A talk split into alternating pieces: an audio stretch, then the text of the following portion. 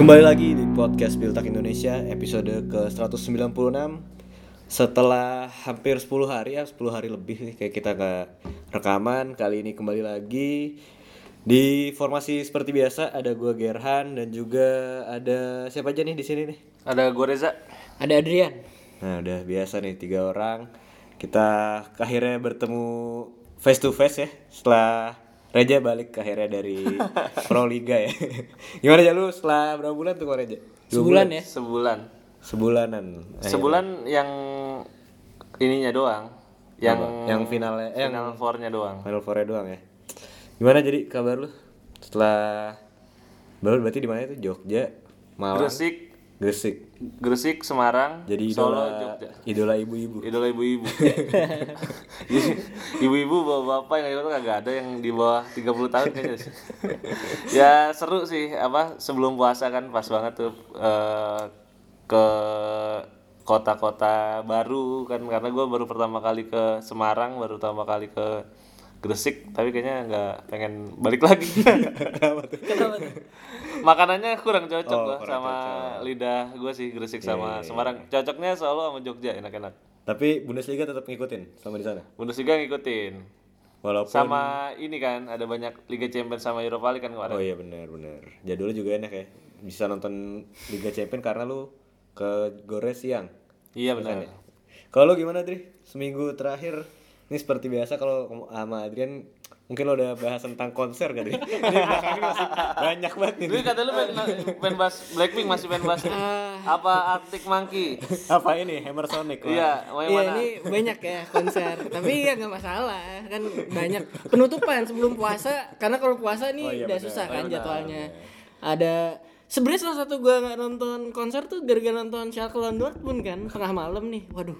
Lu pengen nonton konser apa tadinya? Gue tadi mau nonton konser Blackpink. tapi ah enggak lah, ini la- laga penting. Tapi ternyata oh jadi menurut lu Blackpink gak penting sih Ya penting, cuman kan ini apa eh tiketnya gue Sulit. sulit. Tapi Kiki Saputri bisa dapet Iya, biar biarkan fans-fans aslinya. Fans aslinya. Oh, iya, biar gak dikatain fans FOMO katanya. Fans FOMO.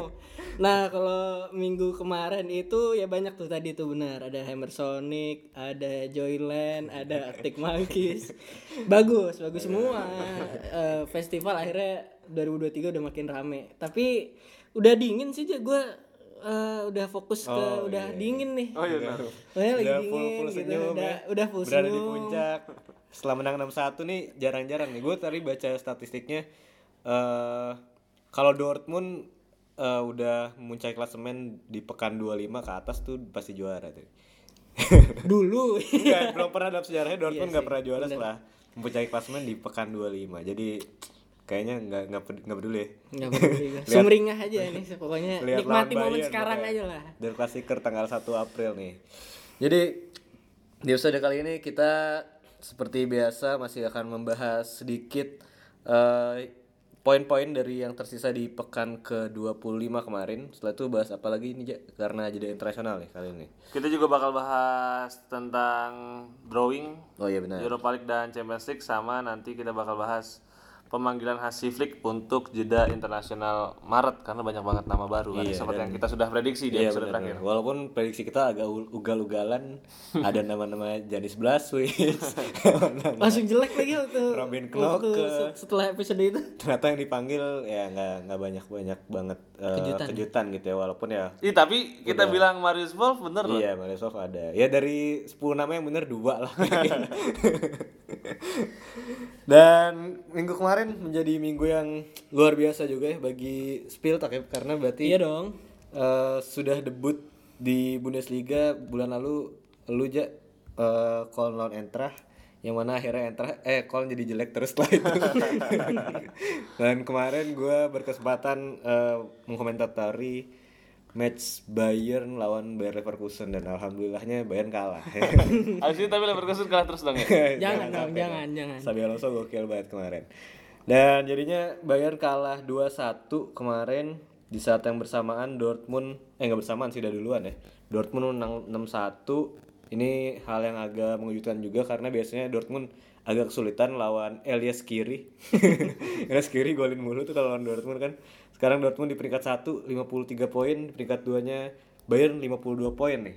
Jadi Der Klassiker bakal seru banget di mana Dortmundnya lagi ngamuk eh, momentumnya agak sedikit terganggu dengan ada jeda internasional Eh, tapi di satu sisi mungkin ada pemain-pemain yang bakal balik lagi ya jadi kayak Kobel terus juga Adeyemi siapa? katanya. Udah bisa balik justru Bayern lagi jelek kemarin mainnya ancur-ancuran dan Musiala juga katanya tadinya dipanggil timnas sekarang Cedera ya. ditarik lagi gara-gara cedera dan kabarnya mungkin nggak akan bisa main di Der Klassiker. Kita bahas dari Dortmund dulu nih 6-1 kemarin bounce back setelah kalah lawan Chelsea eh, 2-0 sangat mengecewakan. mengecewakan banget kalah 2-0 dari Chelsea.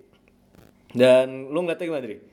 Ini kan sebuah skor yang sangat mencolok. Lu expect bakal bisa main sebagus itu nggak kemarin sebenarnya? Eh iya sih karena sebenarnya lawan Schalke pun mainnya bagus cuman memang eh, kestabilan di lini tengah sama lini belakangnya inilah agak menurun lah. Tapi kalau kualitas serangan sih memang di Bundesliga ya kecuali lawan Chelsea itu Dortmund menurut gua terbaik lah karena ada mentalitas yang gua di mus- di awal musim ini nggak ngeliat sih bahwa Dortmund bisa PD menyerang sekaligus eh, juga PD untuk keserang gitu loh Ger. Jadi balance kalau mu- musim-musim biasanya nyerangnya oke, belakangnya kendor. Kalau ini gua akhirnya ngelihat bahwa ada eh, titik temu antara dua kutub tersebut yang akhirnya ngebuat Dortmund eh, PD ngelawan semua tim sih. Eh, walaupun banyak pemain cadangan juga yang main kayak si Meyer main kan karena Kobel cedera terus Modahut akhirnya dipercaya juga.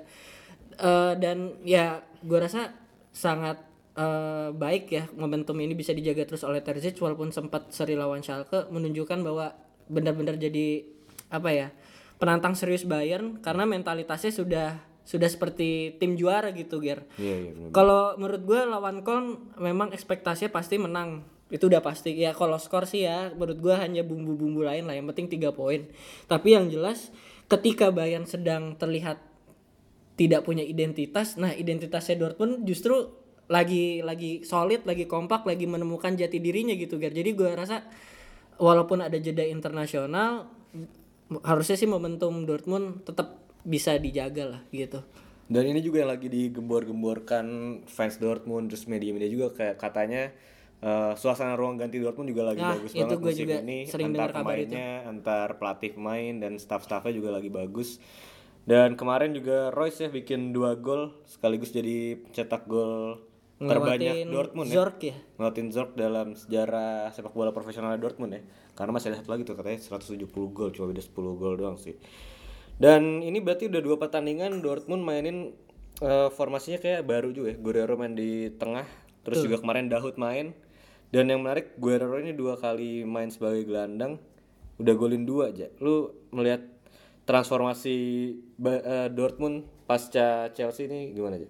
Ya lagi-lagi kuncinya Julian Rierson ya karena Rierson ini jadi apa ya kepingan puzzle yang memang sebenarnya udah dibutuhkan sejak lama gitu sama buat Dortmund karena kalau kita lihat kan Dortmund nih salah satu masalahnya ada di sisi fullback sejak ditinggal sama bahkan ketika masih ada Ashraf Hakimi ya kita tidak lihat bagaimana di sisi back sayap tuh Dortmund bisa balance. Apalagi kan kalau kita ingat di zamannya Hakimi kanan Guerrero di kiri itu kan benar-benar sangat menyerang gitu. Nah, Rierson ini jadi kepingan puzzle yang hilang, dia menyerangnya masih bisa ngebantu, ketika mundur pun ini jadi fullback paling solid yang dimiliki oleh Dortmund. Dan ini tambah bagus lagi karena Maris Wolf tiba-tiba menemukan jati dirinya ketika dipasang sebagai back kanan gitu lagi-lagi gue ngeliat Dortmund sih sebenarnya nggak spesial spesial amat tapi banyak blessing in disguise gitu kan jadi kan kayak eh, Thomas Munier cedera Marius Wolf bisa dapat Kesempatan main. kesempatan main di posisi yang ternyata itu lebih bagus dibandingkan kalau dia main di sayap kanan nggak- gitu. nggak cedera sih. Terus kayak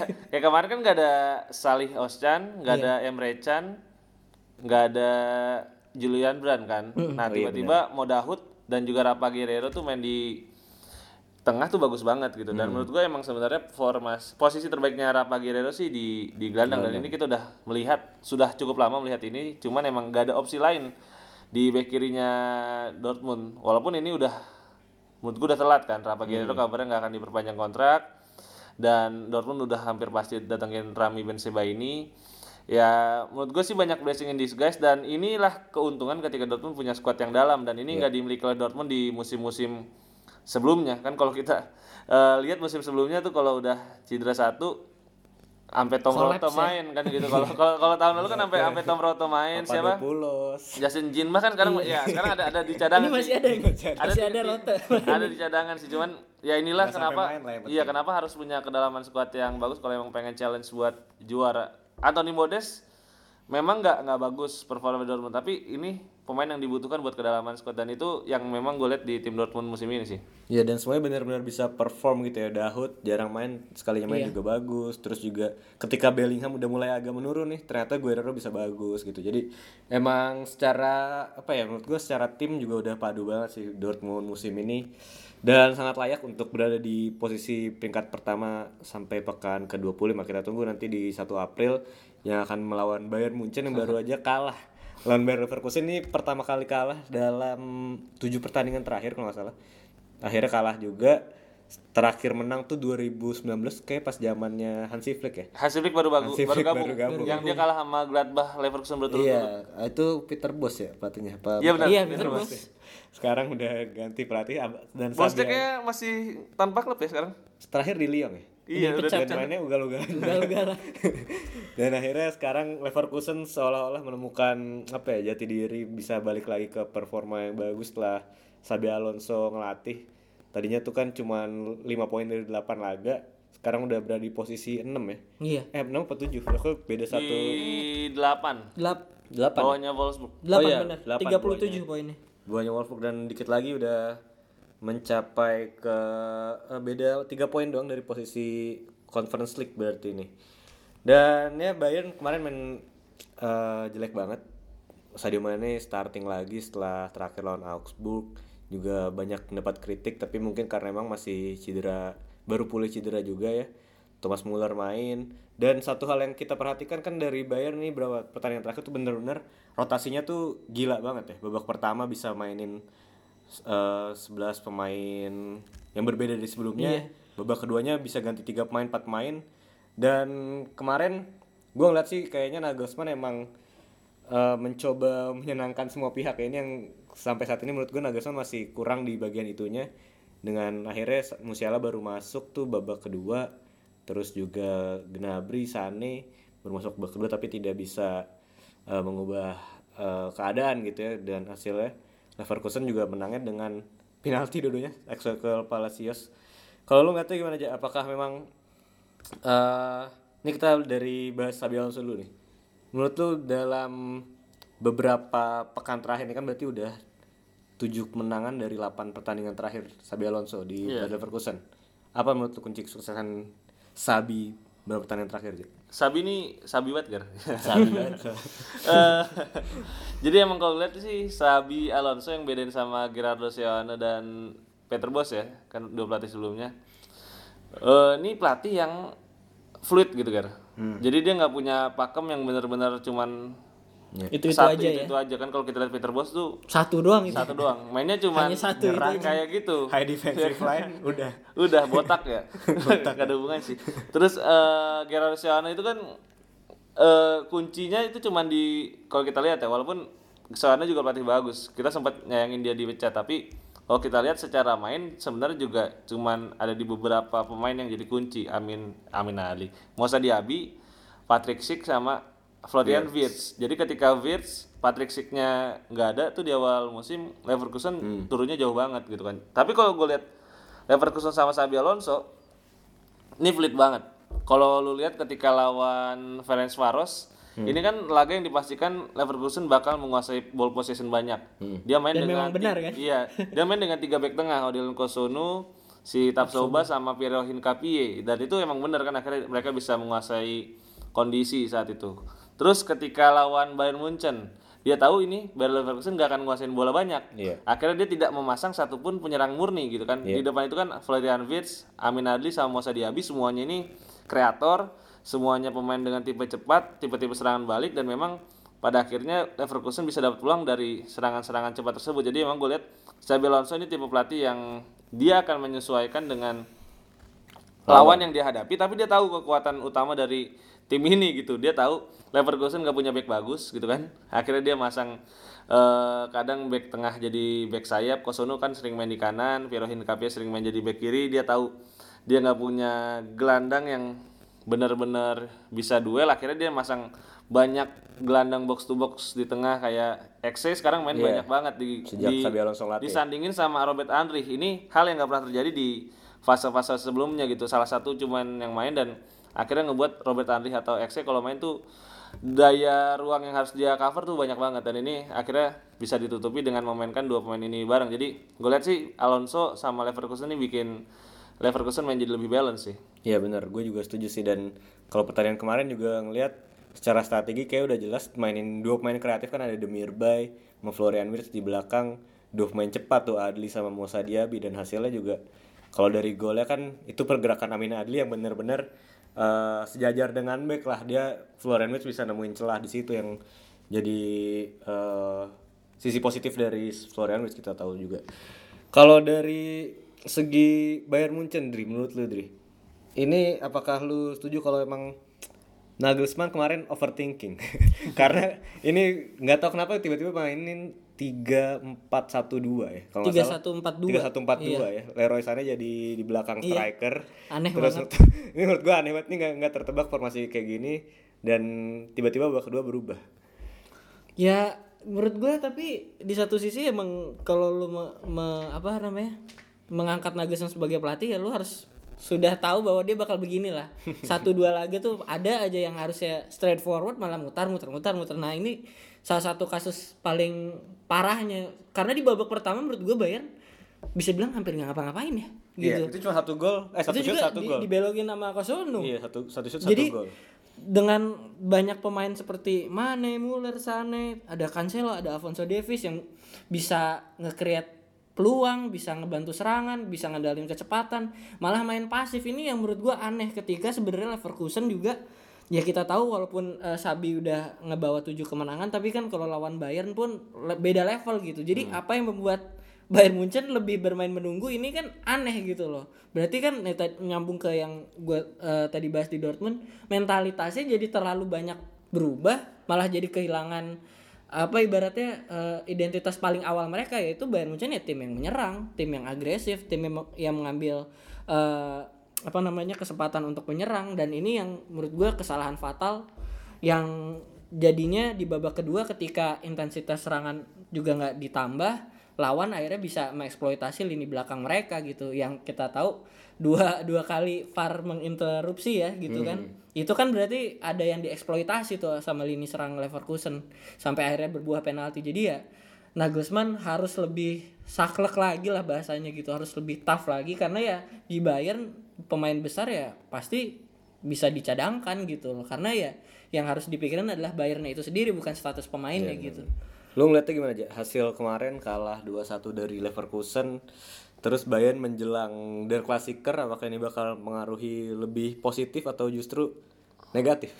Jadi gua ngeliat sebelum dari Klassiker nih ya Bayern terlalu gue liat malah setelah skuadnya dalam malah jadi Iya. bener kata lu itu Ger Kebanyakan ini ya, menyenang- menyenangkan banyak pemain ya karena gue lihat terlalu banyak perubahan di setiap pertandingannya terlalu banyak perubahan pemain dan perubahan skema nggak ada pakem yang dimiliki oleh Bayern kadang Cancelo di kanan kadang Stanisic kadang Koman tanpa striker, kadang dengan Thomas Müller di depan, kadang Erik masih mencoba moting gitu kan. Jadi menurut gue ini yang bikin gak ada stabilitas di tim ini sih. Menurut gue butuh eh 11 pemain terbaik yang emang ya pada saatnya pemain-pemain yang nggak perform kayak Gnabry, kayak Sane, atau Cancelo ya udah mending eh, dicadangin kalau emang ada pemain yang cedera baru masuk gitu. Karena ini sangat berbeda dibandingkan musim sebelumnya dan ini yang bikin eh Bayern tidak stabil. Sehingga pekan depan gua rasa pas dari klasiker mereka menang 3-0. Karena mengamuk ya. Karena mengamuk. dikalahin. Tapi gue agak nggak begitu yakin juga sih Karena Musiala cedera Kemarin tuh tanpa Musiala Bayern Gak ada kayak- coba moting sih itu Iya, yang kunci coba sih Iya. Jadi Berasa banget ya. juga gitu kan. Dan kedua tim ini Bayern sama Bayer masih juga bakal berlaga di kompetisi Eropa jadi tentunya bakal memecah fokusnya juga di antara form mereka yang bisa bilang lagi bagus-bagusnya walaupun Bayern juga kalah terakhir. Dan Bayern eh, pekan lalu dipastikan akan bertemu Manchester City. Itu berarti kapan sih Champions League mulai lagi? April ya? Iya. April, April ya, kayaknya. Dua minggu lagi ya. Iya. Bakal ketemu City. Ini Pep Guardiola derby apalagi ya? Jerome Boateng derby. Joao Cancelo Martin Demichelis, Demichelis pernah di City gak sih? Pernah? Oh pernah ya? Iya, derby, Joao Cancelo derby, bener juga. Banyak Kenapa ya? jauh-jauh ya? Padahal Joao Cancelo ada. Terus Leverkusen di Europa League eh, quarter finals bakal ketemu Union. Ini Union yang mengalahkan Union. Union Saint Gilloa dari Belgia yang secara nggak mengejutkan juga sih karena emang kita tahu Union Saint Gilloa mainnya juga lumayan bagus dari fase grup mengalahkan Union Berlin di 16 besar kemarin. Kita bahas dari Bayern dulu gimana menurut lu ketemu City apakah lu eh, seneng atau menurut lu ini harusnya pertandingan yang nanti-nanti aja harusnya? Eh, buat fans bola ya, gue Hmm. seneng sih ini pertemuan yang pasti bakal menghibur gitu kan.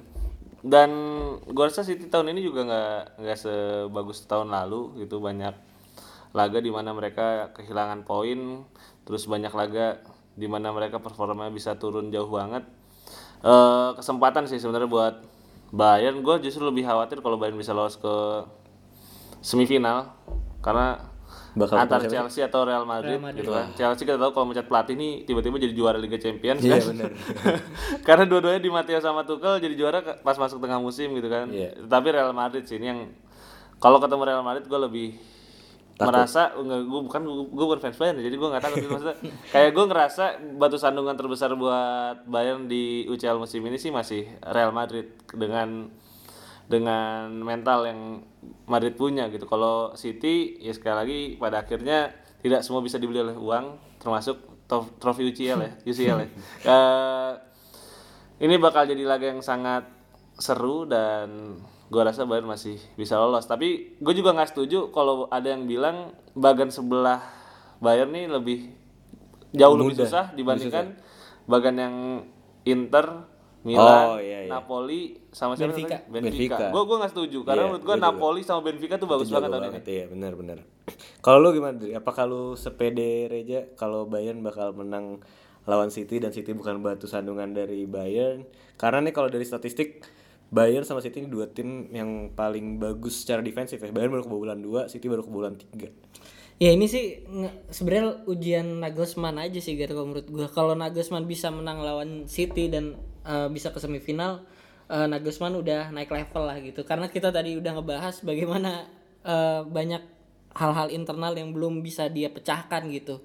Tapi yang aneh juga lawan Paris Saint-Germain bagus, Bagus ya banget gitu. ya. Bagus Iya, banget, bagus bagus banget. banget. Maksudnya terlalu kontras gitu. Itu jauh lebih bagus dibandingkan yang final Iya. Hansi Flick ya iya, kan.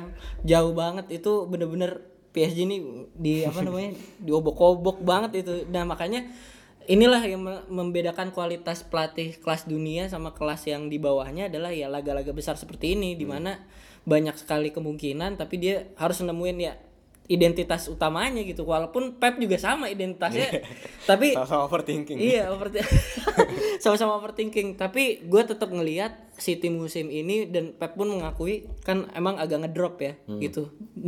Eh, jadi ada ada peluang sedikit untuk Bayern lebih unggul lah 51 49 lah kalau nggak harus fair 50-50. Jadi gua gua rasa laga ini selain penting untuk Bayern penting juga untuk Liga Jerman ya. Jadi su- supaya koefisiennya ke bawah terus gitu bisa jadi eh, tiga besar terus. Tapi gua tetap melihat Bayern Munchen harusnya tetap bisa menang. Hmm, Lawan dan City.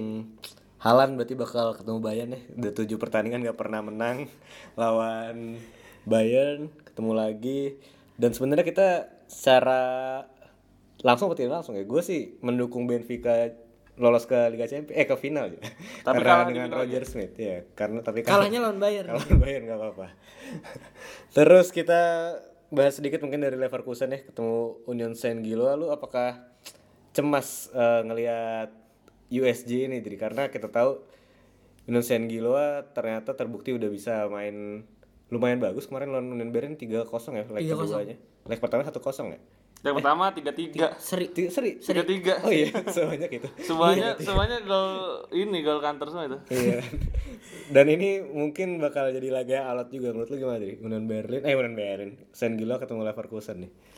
Eh, di atas kertas sih tetap ya gimana pun gol yang super keren itu gue tetap ngelihat harusnya Leverkusen bisa mengatasi itu semua dan yang yang hebatnya lagi kan Xabi Alonso ternyata bisa menstabilkan tim Leverkusen yang sebenarnya nggak banyak pemain yang hebat juga tapi bisa mengeluarkan kemampuan terbaik kayak gitu Ger. Jadi jadi terlahir kembali lah Leverkusen di bawah Xabi Alonso. Nah, waktu lawan Ferencvaros sih walaupun ya se- sebenarnya Ferencvaros menurut gue sama Sen Gilwa ini harusnya ya, mirip-mirip eh, levelnya gitu.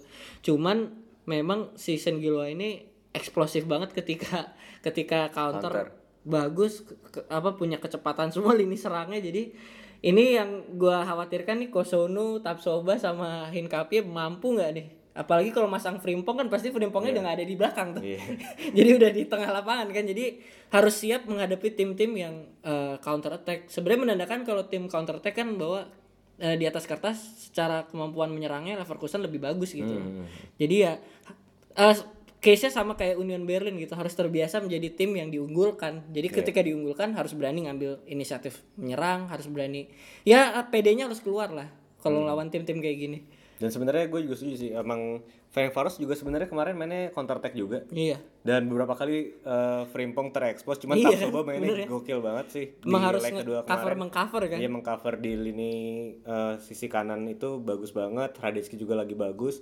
Beberapa pertandingan terakhir, lu apakah khawatir juga aja melihat eh, counter attack dari Union Saint ketika mungkin ntar bakal lawan Leverkusen? Gua nggak khawatir sama sekali sih. Karena ini ini undian yang paling mudah di dalam seri Iya sih, Europa League ya. Antara Juventus, Sporting, United, Sevilla, Feyenoord dan AS Roma gitu Iya, ya. Ini Leverkusen harus mensyukuri lah hal-hal ini. Berkah ya. Iya 16 besar pun dapat Ferencvaros menurut gua udah berkah ya. Kalau dibanding dengan Freiburg ketemu Juventus gitu kan. Ya jadi eh, ini berkah buat Leverkusen dan sekali lagi Xabi Alonso tipe pelatih yang enggak neko-neko, nggak harus lu nyerang 90 menit. Kalau ini eh kalau lu nonton di leg pertama tuh Leverkusen gol bagus Demirbay di awal pertandingan terus mereka main kayak nggak nyerang gitu. Jadi kayak yang penting lu nguasain bola nguasain jalannya permainan dan tidak ada counter attack yang berbahaya dari Ferencvaros baru di menit-menit akhir tuh yang tendangan bebas Lozek dan Mantul ya Itu deflect Iya, itu leg kedua tapi yang itu leg leg kedua yang Lozek. leg leg pertama Leg pertama satu kosong. leg pertama 2-0 juga Oh, 2-0 itu juga itu Lozek yang Oh, leg, ya? leg pertama Oh iya benar-benar. Yang kedua siapa ya? leg kedua ada ada Tapsoba. pokoknya. Enggak pokoknya eh, Alonso tuh tipe pelatih yang kayak dia tahu Iya. ini fase knockout lu harus eh, nggak boleh kebobolan di leg pertama kayak gitu-gitu ini menurut gua undian yang menguntungkan buat Leverkusen gua rasa Leverkusen juga bisa melangkah cukup jauh lah di Europa League musim ini semifinal kalau lolos ketemu antara Feyenoord lawan Roma ini final Conference League tahun lalu ya sebenarnya Benar benar benar. tapi ya Feyenoord atau Roma menurut gua ya masih selevel lah kalau sama Leverkusen. eh, Leverkusen menurut gua yang berat di Eropa tahun ini United sih. Lagi gacor-gacor ya. Iya. Eh, iya, Xabi Alonso ya kita lihat mungkin ini turunan dari gimana dia pernah dilatih Rafa Benitez. Rafa Benitez kan jago banget nih kalau lagi knockout gini kan. Rafa Benitez berapa kali masuk ke Tipe semifinal, pelatih final. yang timnya enak buat dilihat tapi kalau lagi butuh menang bisa Iya, benar-benar. Iya, mungkin keuntungan dari dilatih Pep Guardiola, Jose Mourinho, terus juga Ancelotti, ya bisa sedikit banyak penurun ke Xabi Alonso dan mungkin kalau ntar semifinal bisa ketemu Jose Mourinho lagi di eh, lawan AS Roma misalkan AS Roma menang. Eh, paling gitu aja di segmen kali ini. Lanjutnya kita bakal ngomongin berbau hal tentang jeda internasional karena juga pemanggilan pemain akhirnya udah keluar squad listnya. Sekarang juga lagi training camp timnas Jerman dan bakal ketemu Peru sama Belgia. Eh, siapa aja pemain yang dipanggil dan siapa aja yang mengejutkan kita bakal bahas di segmen kedua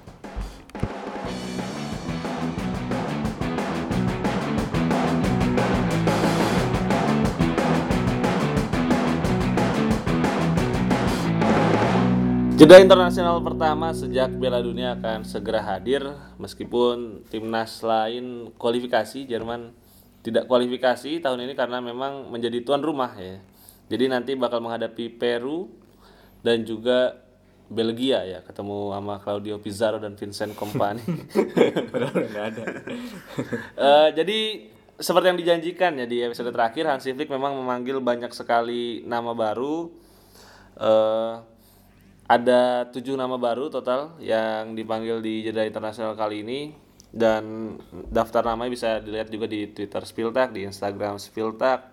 Tapi untuk mengawali segmen ini gue pengen tahu Dri, menurut lu apakah ada pemain yang menurut lu seharusnya bisa dipanggil?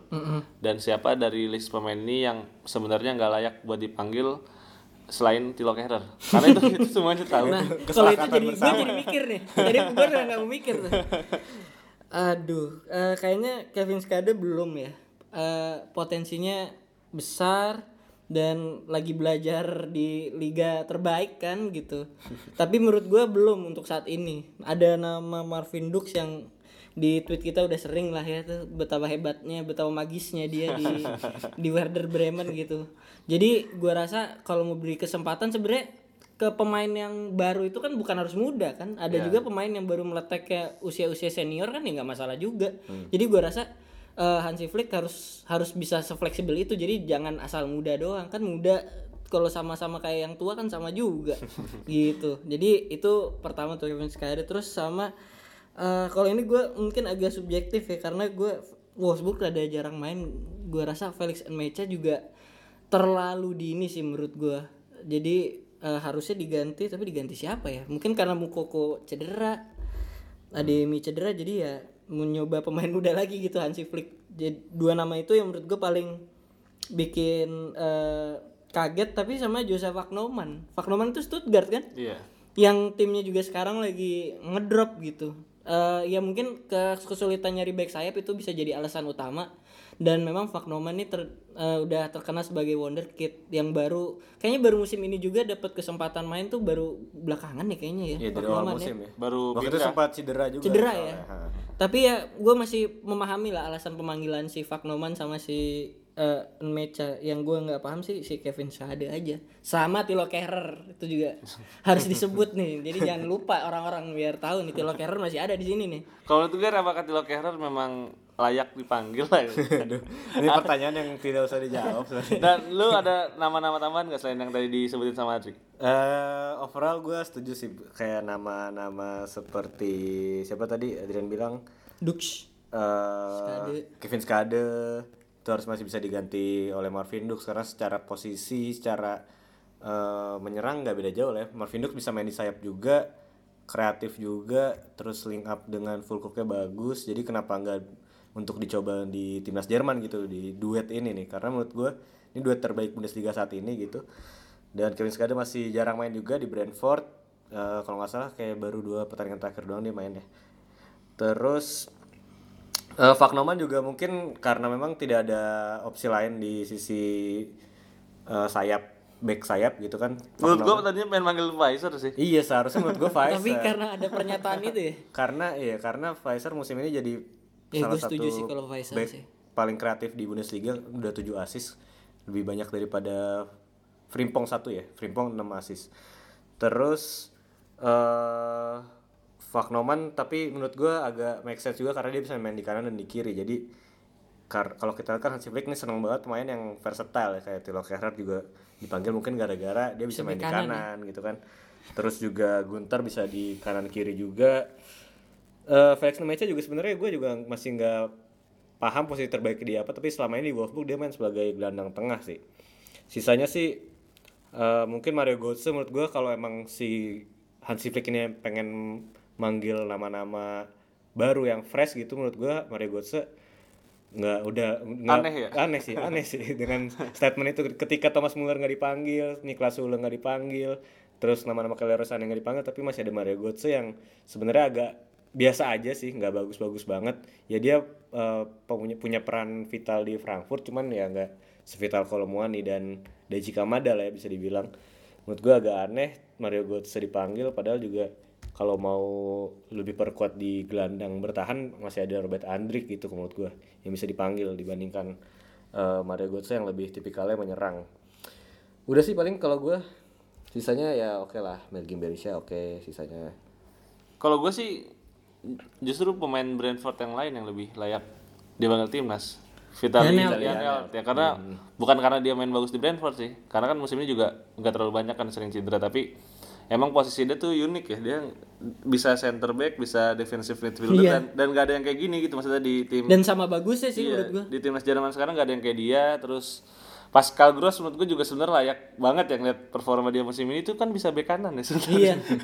Jadi Itu aneh juga sih gue baru tahu tuh musim ini dia bisa gitu. Pascal Gross terus menurut gue yang nggak layak dipanggil selain Tilo Kehrer dan Mario Götze karena ini kan sebenarnya kan pengen memberikan semangat baru ya kan. Ben Leno menurut gue nggak nggak nggak perlu dipanggil lagi sih karena dia sudah dipastikan tidak akan bisa menggeser Ter Stegen dan Kevin Trapp sebagai kiper kedua dan ketiganya timnas Jerman lebih baik Mending yang lain ya yang lain sekalian ya ya. Alexander Dubel. Jadi overall sebenarnya Hansi Flick sesuai dengan yang kita inginkan ya di dua minggu yang lalu di mana nama-nama pemain senior atau nama-nama pemain nanggung kayak Klosti, Halsti yang masuk tapi nggak akan jadi pemain inti tuh banyak yang nggak dipanggil mungkin ya tadi sisa Godze dan juga eh Tilo Kehrer ya. Eh, kalau back sayap kita nggak nggak nggak bahas karena memang nggak stoknya dikit ya kayak, kayak Christian Gunter ya Safak Noman itu tetap dipanggil karena memang stoknya dikit. Jadi ya overall cukup memuaskan dengan apa yang dipanggil oleh Hansi Flick. Total ada enam pemain debutan yang dipanggil oleh Hansi Flick. Di belakang ada Yosafak Noman, Malik Chiao dan juga Marius Wolf. Di tengah ada Felix Mecha dan Kevin Skade. Di depan ada Mergim Berisha. Nah ini kan Hansi Flick menjanjikan nih Ger, katanya semua pemain pemain yang baru dipanggil akan mendapatkan kesempatan untuk debut di jeda internasional kali ini. Dan menurut lu dari enam pemain ini siapa yang sebenarnya punya progres buat masuk ke timnas Jerman di Euro 2024? Menurut gua Mergim Berisha sih, nggak tahu kenapa karena mungkin walaupun ya Hansi Flick suka banget sama Timo Werner, terus juga eh siapa lagi sih? Kai Havertz ya kan? Dia suka mainin Havertz sebagai striker juga. Tapi Mergim Berisha menurut gua punya dimensi yang berbeda daripada striker-striker dua nama itu yang tadi gue sebut. Dia mungkin agak mirip sama Niklas Füllkrug kayak tipe-tipe finisher di eh, depan gawang dalam kotak penalti. Dan kita tahu emang Mergim Berisha menurut gue layak juga untuk dipanggil ke timnas Jerman eh, kali ini karena di samping dia juga umurnya masih 21 atau 23 ya. Pokoknya masih lumayan muda 23 tahun kalau nggak salah. Kan yang ditakutkan adalah dia mungkin akan dipanggil oleh Kosovo. Karena dia punya darah Kosovo juga. Jadi ini mungkin sebagai langkah preventif dari Hansi Flick agar setidaknya stok striker Jerman ini masih ada untuk regenerasi. Karena Mergim Berisha masih muda. Sedangkan Niklas Füllkrug udah 31 tahun.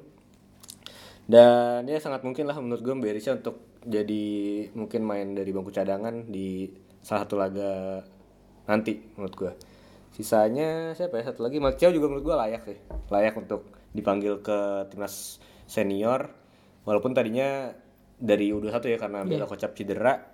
Dan ini yang harusnya Tilo Kehrer nggak usah ada gantinya dia aja udah dari awal itu Tapi ibaratnya all in a sudden gitu ya. Semuanya tiba-tiba bagus loh kan? Back tengah Iya, mudanya. tengahnya. Jerman dan ini nggak nggak terdeteksi gitu sebenarnya kan? Kayak eh, Nico Slotterbeck tuh out of the radar gitu kan sebenarnya beberapa Iya. tahun lalu tuh sama Union aja masih waktu di- masih Yunan masih dipinjemin ke eh dari Freiburg Freiburg ke dipinjemin Union. ke Union kan bahkan waktu itu kan artinya dia masih ada di bawah Kevin Slotterbeck Iya. ya kan? Terus masih di bawah Christian Gulde. Iya Manuel Gulde. Eh Manuel Christian Gulde siapa? Kok semuanya Christian Gunter itu? Oh iya bener. Terus ada Malik Chow nih yang sebenarnya kan di Schalke Itu sih yang gua kaget nggak sih, nggak Malik Chow. terlalu bagus gitu kan. Biasa, ada ya. ada nama Armel Bella Kocap juga kan yang dari Bokum dari divisi 2 naik ke divisi pertama terus sekarang di Southampton. Nah kalau menurut Udri selain Mergim Berisha masih ada lima nama lain Yosafak Noman, Marius Wolf, Felix Mecha dan Kevin Skade serta Malik Chow juga. Menurut lu siapa nih yang kira-kira bakal jadi proyek jangka panjangnya Hansi Flick?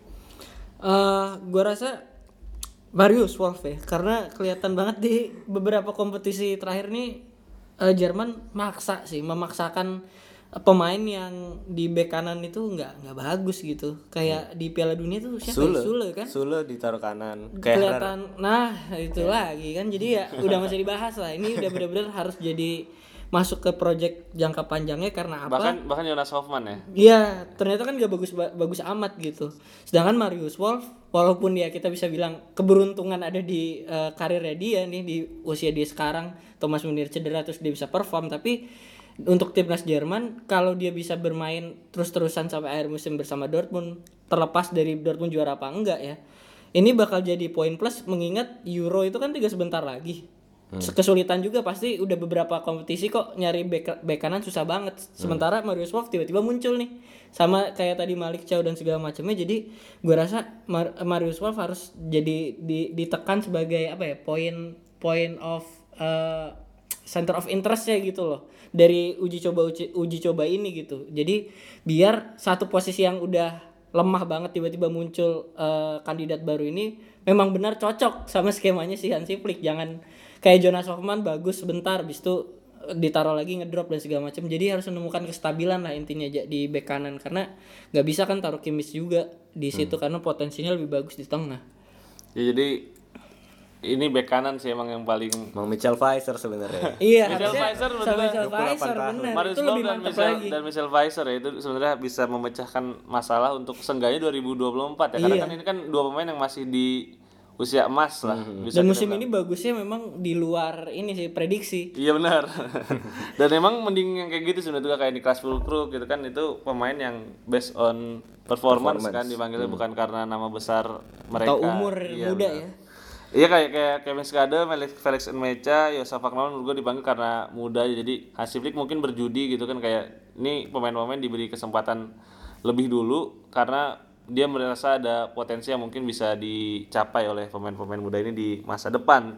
Dan kalau kita bicara pemain muda masa depan memang Jerman sedang gencar ya untuk bergerilya membangun relasi yang bagus dengan para pemain keturunan khususnya Kayak di mana tuh? khususnya ya PSSI agar tidak itu Justin Hubner ya Iya. di gol gue sih mending Belanda sih.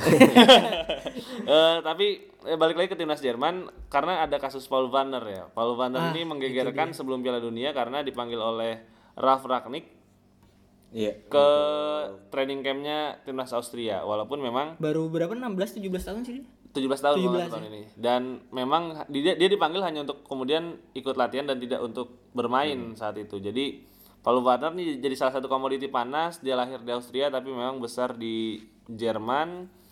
Eh, dan ini salah satu langkah juga kenapa benar kata Gerhard tadi Jerman memanggil Mergim Berisha yang keturunan Kosovo karena memang sudah beberapa kali kecolongan dalam dua tahun terakhir lah timnas Jerman.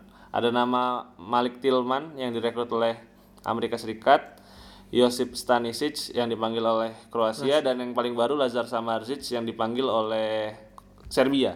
Nah, menurut lu Ger apakah eh, nama-nama yang tadi gua sebut tuh emang gak layak ke timnas Jerman atau karena memang pendekatan timnas Jerman yang sejauh ini ternyata terlambat untuk mendeteksi adanya talenta seperti itu. Karena Malik Chow pun hampir timnas Finlandia. Iya benar benar. Dia ada keturunan Finlandia ya, Malik Dia baru dipanggil pas udah satu. Jangan sampai dia milih eh, negara keduanya gitu kayak Michel Pfizer juga nih udah mau ke Algeria. nah itu termasuk Pfizer juga. Pfizer mau ke kayak gitu. Nih. Udah 28 tahun tapi dia sih. Dan kalau menurut gue sih sebenarnya kan pemain-pemain yang udah masuk radar timnas Jerman tuh sejak 2-3 tahun yang lalu ya. Sama Azik udah masuk U21. Iya. Terus Malik Tiaw juga, tapi Malik Tiaw akhirnya ke Jerman. Kalau sama Arzik sayang banget pindah dia di, di dilepas sama siapa dia timnya? Hertha ke RBL Hertha ya? terus nah, iya. ke kesalahan menurut UDD. gue dia pindah ke RB Leipzig. RB Leipzig ini tim yang tidak terlalu sering mengintegrasikan pemain muda ke dalam skuad utama ya kan. Jadi akhirnya dia Kudinese merasa terlempar, akhirnya juga secara tim nasional dia milih ke Serbia. Terus siapa lagi kata lu aja? Eh si Satu lagi. Malik Tillman. Oh iya, Malik Tillman juga Sama kan sama ya. Ini mirip-mirip juga. Tillman kan dari Bayern 2. Iya. Terus dia ke Bayern mungkin melihat nggak ada nggak ada prospek di sana, akhirnya pindah ke Rangers kalau nggak salah. Dan akhirnya juga eh, milihnya Amerika Serikat pada akhirnya. Ini menurut gue emang ada pendekatan yang salah tapi ya mungkin secara dari sisi pemain mereka lebih realistis juga ya karena Samardzic ini bersaing dengan pemain-pemain yang juga udah top gitu Gundogan umurnya sekarang masih 30 ya 30 satu ya Hampir, iya. dia masih ada sekitar 2 tahun lagi terus juga masih ada nama-nama seperti eh, Joshua Kimmich, Leon Goretzka ini kan secara kalau lu pemain kan realistis aja nih lu nggak bakal jadi pemain utama kalau lu masih saing sama Goretzka dan Kimmich sampai 4 tahun ke depan gitu. Masih juga ada kayak Jamal Musiala, tiba-tiba juga Felix Mecha. Ya, dia, dia, juga dia- sebenarnya dia kan di bawah Wirtz dan Musiala sih iya, yang di pasti. bawah Wirtz Musiala juga. Jadi ini kalau sama sih gue lebih paham lah kalau untuk eh, siapa satu lagi tadi Stanisic. Oh ya Stanisic. Ini Stanisic juga menurut gue agak kecolongan sih, tapi mungkin memang secara dari sisi Roots pemainnya ya? juga rootsnya dia lebih ke Kroasia ya kayak Pfizer. Enggak sih, kalau Pfizer lebih ke oportunis. Ke Aljazair. Dan itu ini- mengagetkan banget tuh itu. ini mirip kayak berarti kayak kasusnya Borna Sosa. Borna Sosa menurut gua agak terlalu telatnya jauh banget sih. mungkin karena mungkin Borna Sosa ini baru jago eh, ketika pindah ke Bundesliga ya. Jadi Dan di- itu pun tahun dilacak. berapa tuh di Baru Iya, dilacak. Ya kan baru kelacak dia ternyata ada keturunan Jerman. Jadi ya udah nggak bisa. Ya menurut gue sih nggak terlalu kehilangan besar lah buat timnas Jerman kalau untuk nama-nama kayak tadi menurut gue. Kalau menurut lu siapa dari sebenarnya yang paling kehilangan dari nama-nama yang tadi tuh? Pfizer, eh, si Stanisic, Wah iya sih itu. Tillman dan juga bisa- Samardzic. Karena tadi ngomongin ada Magnus ini lah. Wolf kan. Ada juga ini ya yang pemain-pemain Liga Bundesliga 2 tuh kayak Yannick siapa ya? Konigsdorfer tau gak lu? Oh, Oh, iya, Dorfer tahu. pindah ke Ghana. ke Ghana. Pindah ke Ghana. Terus kayak Piala Dunia dia udah dipanggil. Piala lagi iya Piala Dunia. Iya jadi sebenarnya sih kalau nama-nama tadi tuh semuanya penting tuh. Stanisic main bagus, si Borna Sosa juga eh, beberapa musim terakhir jadi andalan Stuttgart. Mike Tillman lagi masih di Rangers ya? Iya, di posisi-posisi yang juga dibutuhkan timnas Jerman, tapi eh, menurut gua kenapa nggak diurus karena yang nganggepnya nggak jago sebenarnya. Itu kan jujurnya. Iya. Ternyata ta- apa talent factory-nya nggak sebagus Schweinsteiger, Hummels dan lain-lain. Kaget lah. Nah, makanya sebenarnya sih ini pinter-pinternya eh, di FB dan pemerintah Jerman sebenarnya untuk ngedeketin talenta yang banyak keturunannya kayak gini. Ya kayak di negara ada lah itu kan. Itu kan juga sama selalu jadi perdebatan dan segala macam. Tapi yang jelas adalah dunia sepak bola modern akan selalu banyak kayak zaman Musiala gitu loh yang dia darah Inggris dan segala macam lama di Jerman akhirnya lebih milih Jerman. Nah ini harus lebih dibiasakan dan juga harus eh, mempertimbangkan karir pemain juga walaupun yang kayak tadi Lazar Samardzic B aja gitu kan. Tapi ternyata kalau di Udinese umur berapa nih? Bagus kan?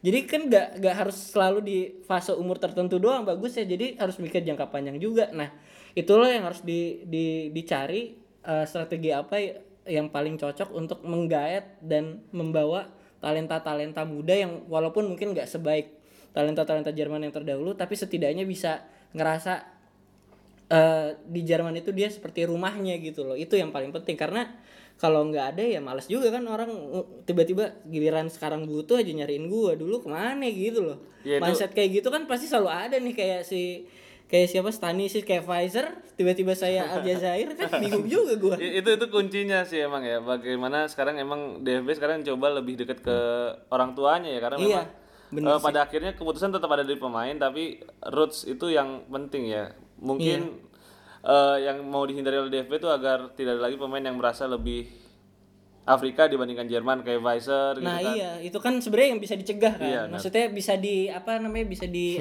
eh, akalin lah Iya. gitu. Berarti kan kenapa dia milih Aljazair? Berarti kan ngerasa di Jerman dia nggak Dianggap. bi- bahasa kasarnya nggak dianggap gitu loh. kalau jalan-jalan ke mall nggak ada yang ngajak foto kali ya iya. Ibaratnya Weiser udah capek-capek ngegendong Bremen, marah dia di rumah kan. Kok nggak ada berita tentang gua, cover tentang gua ya? tapi menurut gua sih kehilangan terbesar Stanisic sih Iya, itu Itu dua-dua ya, umurnya itu juga out of the radar dan Tapi kaget gak sih Stanisic bisa sejago sekarang? Gue sih kaget. Iya, menurut gue DFB pun kaget karena Stanisic itu sempat Jerman U19 dan m- nggak ada orang yang menyangka dia bisa tembus ke Bayern tim apa tim Bayern utama. Dan ya sekali lagi itu sih harus bisa mendeteksi talenta lebih dini ya karena kalau kita lihat Malik Chow hampir aja menurut gue Malik Chow tuh dua tahun lalu bisa aja dia milih timnas senior Finlandia tuh pas udah debut di Schalke kan. Untungnya emang waktu itu dipanggil sama timnas Jerman 21 dan pada akhirnya sekarang terbukti Chow juga bagus di Milan. Ya jadi emang penting sih menurut gue regenerasi yang kayak gini dari U21 timnas juniornya juga harus sering-sering diajak eh, training bareng gitu kan yang udah dilakukan sama Italia kalau nggak salah ya. Iya. Kayak si pemain- Mulai gencar juga tuh pemainnya Italia. Dortmund tuh siapa Filippo Mane, terus Fabio Chiordia yang kemarin starter Gino, di Werder siapa juga. Gnonto juga ya Wilfried Iya udah udah pada training bareng dan ini menurut gua harus dilakukan juga di eh, negara seperti Jerman. Gua gak tahu sih apakah emang udah dilakukan atau enggak.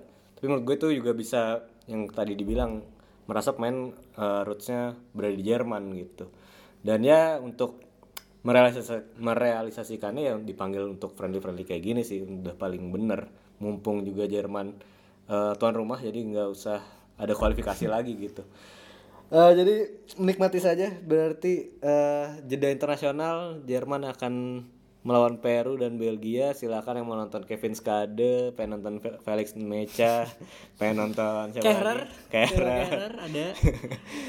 Eh, karena Bundesliga libur siapa lagi ada tambah lagi aja Ya paling kita belum tahu ya nonton timnas Jerman di mana karena kan kalau oh iya qualifiernya di MNC Group. Hmm. Tapi kalau timnas Jerman yang cuma friendly nih nggak tahu nih Iya. ada yang ngambil hak siarnya apa enggak? Feeling gue sih nggak ada. Nggak ada. nggak ada Soalnya Mola udah nggak ngambil bola sih sekarang. Iya, Dulu Qatar ada dari soalnya dari Qatar tuh rotu rotu World Cup tuh semua laga lawan Luxembourg lawan Iya, apa di disiarin tuh. friendly match ada kualifikasi ada ya udah tambah lagi Dri Oke, cukup lah ya.